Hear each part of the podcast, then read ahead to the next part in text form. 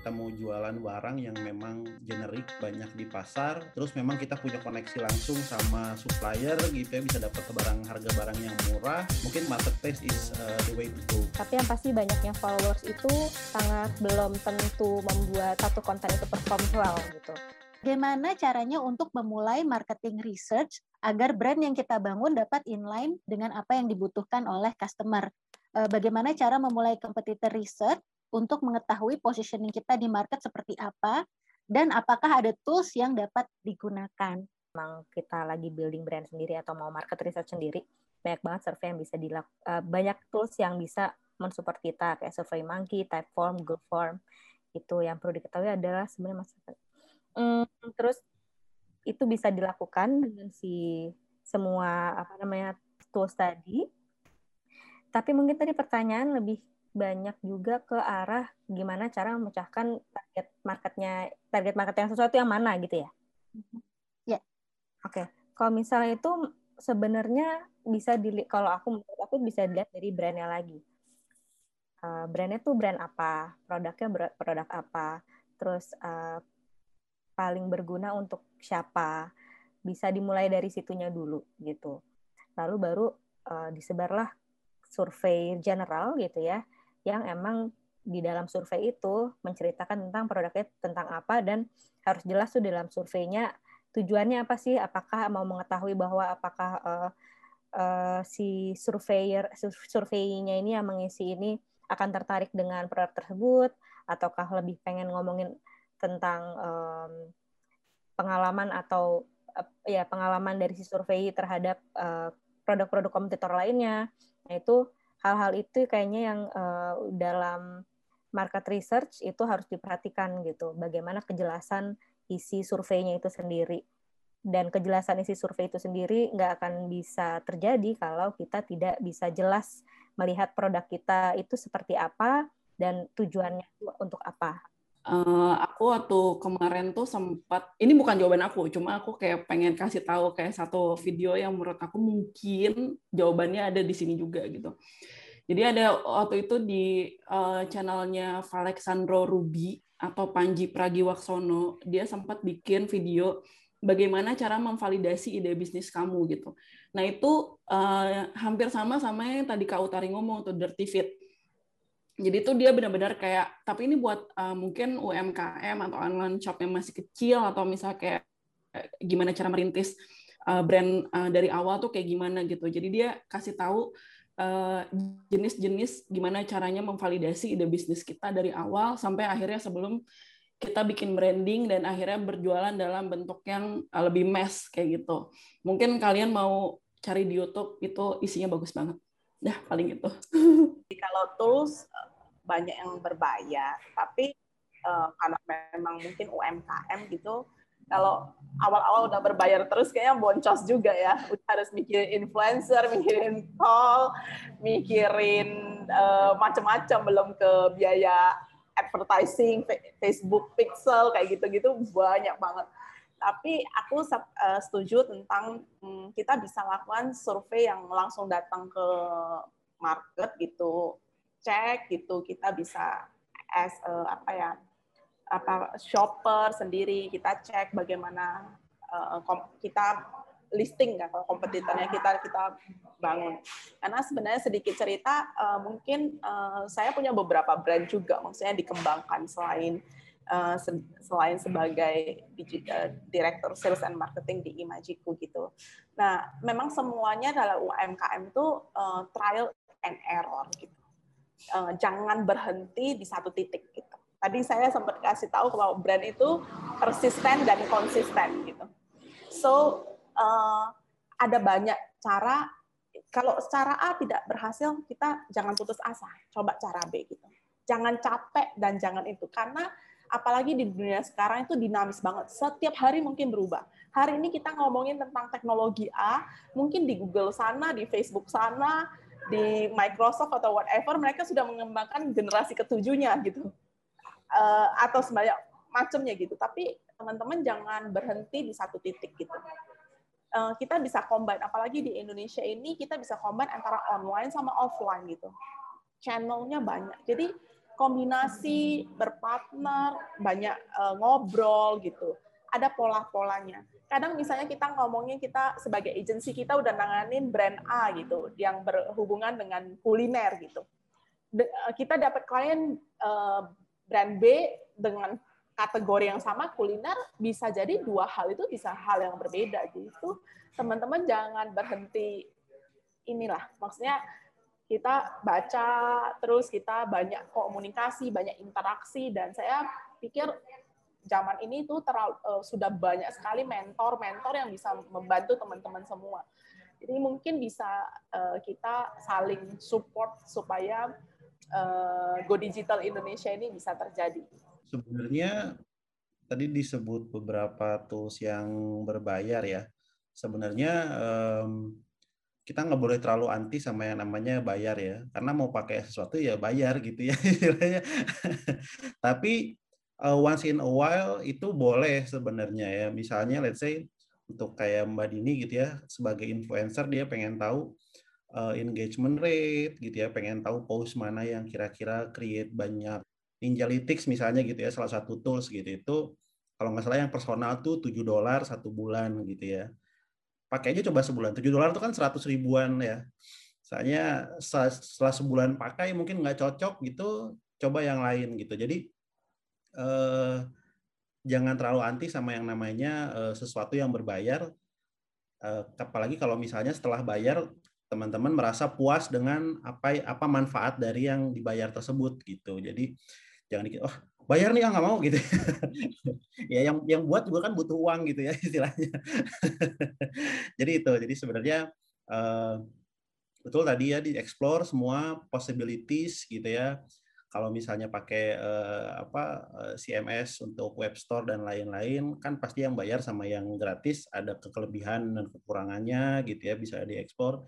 Kira-kira mana nih sweet spotnya gitu ya? Artinya nggak terlalu mahal dan kita, apa, kita secara pengusaha masih bisa survive dengan bayar tadi tapi nggak terlalu murah sehingga kita cuman manfaat yang kita dapat dari yang kita pakai itu kecil gitu ya. Kalau kayak yang gratis tuh pasti banyak nggak bisa inilah nggak bisa itulah gitu ya kurang lebih sih gitu. Bagaimana tips menentukan channel yang tepat untuk mengoptimalkan sebuah bisnis? Channel mana yang paling tepat ya sebenarnya? Eh, tergantung dari apa yang kita jual kan ya. Tadi kalau saya bilang kalau misalnya kita mau jualan barang yang memang generik gitu ya, banyak di pasar, terus memang kita punya koneksi langsung sama supplier gitu ya, bisa dapat barang harga barang yang murah, mungkin marketplace is uh, the way to go gitu ya. Apalagi kalau misalnya beberapa customers kita brand yang cukup besar juga, artinya ketika dia launching official store di uh, Tokopedia, di Shopee, di Bukalapak, itu pasti mereka langsung dapat market gitu ya. Uh, marketplace is the way to go untuk hal-hal seperti itu. Gitu. Tapi sekarang lagi musim namanya omni channel gitu ya. Artinya channel-channel ini tersedia untuk kita pakai gitu ya. Bahkan untuk marketplace itu secara quote and quote cuma-cuma gitu ya. Ya kecuali mau jadi power seller dan lain-lainnya lah gitu ya. Artinya eh, kita nggak boleh membatasi eh, brand kita atau usaha kita ke satu channel aja gitu ya. Itu the beauty of uh, this time gitu ya atau digital digitalization ini adalah channel-channel ini kita boleh pakai semua gitu ya. Kita boleh tes semua. Mana yang kira-kira paling sesuai untuk brand kita? Kalau marketnya Asia ya saya mau bilang kayak mungkin marketnya Asia itu UI UX itu very important. Uh, soal ngomongin teknologinya dulu ya, soal UI UX itu penting banget gitu. Maksudnya um, orang pertama kali lihat kita itu ya visualnya dulu seperti apa, oh brandnya uh, gimana. Nah susunannya juga mungkin tadi saya sedikit jelasin soal tentang funnel strategi gitu ya. Funnel itu mungkin kita bisa masuk dari satu section kepada section lain kita bisa pilih banget.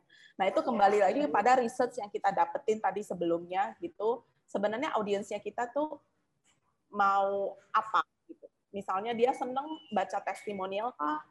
Dia seneng kasih uh, tunjukin review produk yang kita sudah pernah lakukan kah gitu. Atau mungkin uh, ada partnership-partnership yang lain yang kita sudah lakukan, terus bisa kita tarik kepada yang kita mau tuju? Uh, hanya dalam satu apa namanya satu cara aja. Bahkan di di dunia digital memang kan ada yang namanya A/B testing ya. Bahkan hmm. ketika kita bikin ads aja gitu, nggak semua ads itu langsung berhasil. Dan banyak sekali faktor yang bisa me, uh, apa ya membuat suatu ads itu berhasil.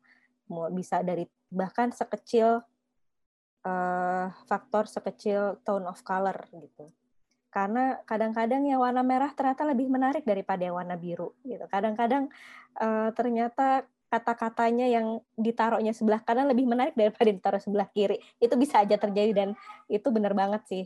Uh, harus selalu melakukan uh, apa namanya A/B testing. Mungkin Mbak Mira, aku tadi ada yang nanya di sini takut kelewat. Uh, Oke, itu juga silakan.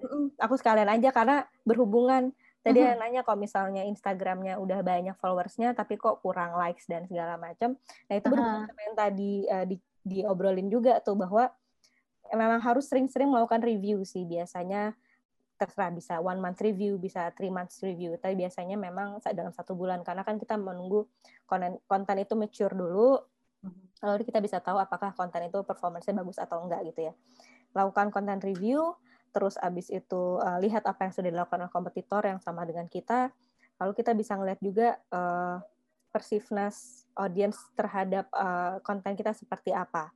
Jadi setelah konten review itu dilakukan, kita akhirnya tahu apa yang kita bisa coba lagi nih untuk uh, apa namanya cara baru apa yang bisa kita coba.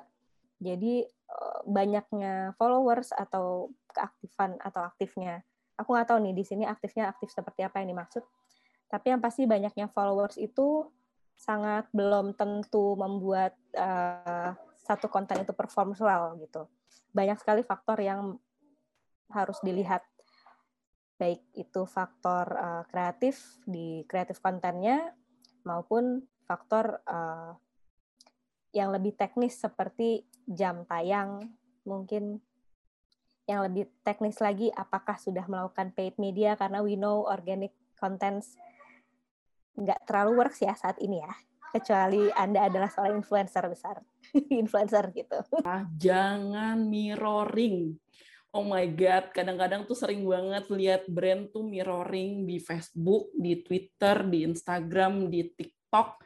Instagram post Instagram story tuh sama semua kontennya. Itu tuh kayak itu yang bikin performa mungkin akan turun gitu. Karena ya benar juga kalau ketika misalnya kalian eh, review gitu ya misalnya uh, di Instagram uh, feed kan yang bagus misalnya adalah square. Tapi ketika dibawa ke Instagram Story nggak bisa tuh square harus vertikal. Terus harus ada apa namanya mungkin stiker-stiker karena algoritmanya tuh memang kayak gitu. Kalau misalnya makin banyak orang yang ngetap ngetap atau ngeklik stiker itu nanti stories kita makin lama makin ke kiri gitu kan. Jadi makin banyak juga yang ngelihat si Instagram stories kita gitu. Jadi benar-benar harus di uh, sesuaiin lagi sama masing-masing platformnya apa gitu. Jadi mungkin inti kontennya sama. Misal kalian eh, mau jualan baju, jualan rok warna biru gitu ya. Tapi formatnya tuh harus dibedain per masing-masing platform itu sih seberapa penting sih keberadaan chatbot atau asisten virtual bagi bisnis di masa kini? Ngomongin secara global, chatbot itu uh, sebenarnya sangat membantu untuk uh, bisnis-bisnis yang butuh banget uh, pertanyaan macam-macam yang bisa ke mana-mana. Itu penting. Jadi kalau misalnya kita punya produk atau jasa yang butuh banget banyak FAQ-nya, frequent asked question-nya, learning prosesnya di dalam, kita bisa pakai chatbot. Tapi kalau misalnya masih uh, sedikit atau uh, misalnya belum terlalu membutuhkan, karena gini, waktu kita gunain chatbot atau kita install chatbot, itu bot loh, robot loh gitu. Dan saya nggak tahu orang Indonesia itu mungkin nggak suka dijawab pakai chatbot gitu kayak apa sih gitu. Saya saya sudah jawab panjang lebar terus disuruh pilihan gitu. Itu itu mungkin uh, secara culture-nya di Indonesia itu belum bisa terlalu uh, kita akuisisi. Cuman mungkin pelan-pelan bergerak ke arah sana. Kalau misalnya kita punya visi yang lebih besar mengembangkan brand dan produknya kita. Uh, lebih ini ya, jadi kita tuh sebenarnya sekarang handle kurang lebih um, 500 seller gitu ya yang jualan online rata-rata sih masih pakai um, apa masih pakai orang ya gitu ya kenapa tadi Mbak Feli udah sampaikan bahwa customer kita itu selain dia pintar, dia itu sangat demanding gitu ya. Barangnya pesan sekarang pengen nyampe nya kemarin gitu kan ya. Jadi ya uh, uh, udah pintar dan demanding dan dia tahu bahwa kapan itu yang jawabnya uh, bot, kapan itu yang jawabnya orang gitu. Jadi bot itu kapan dipakai biasanya untuk pertanyaan-pertanyaan yang sifatnya impersonal gitu ya, kayak stop misalnya.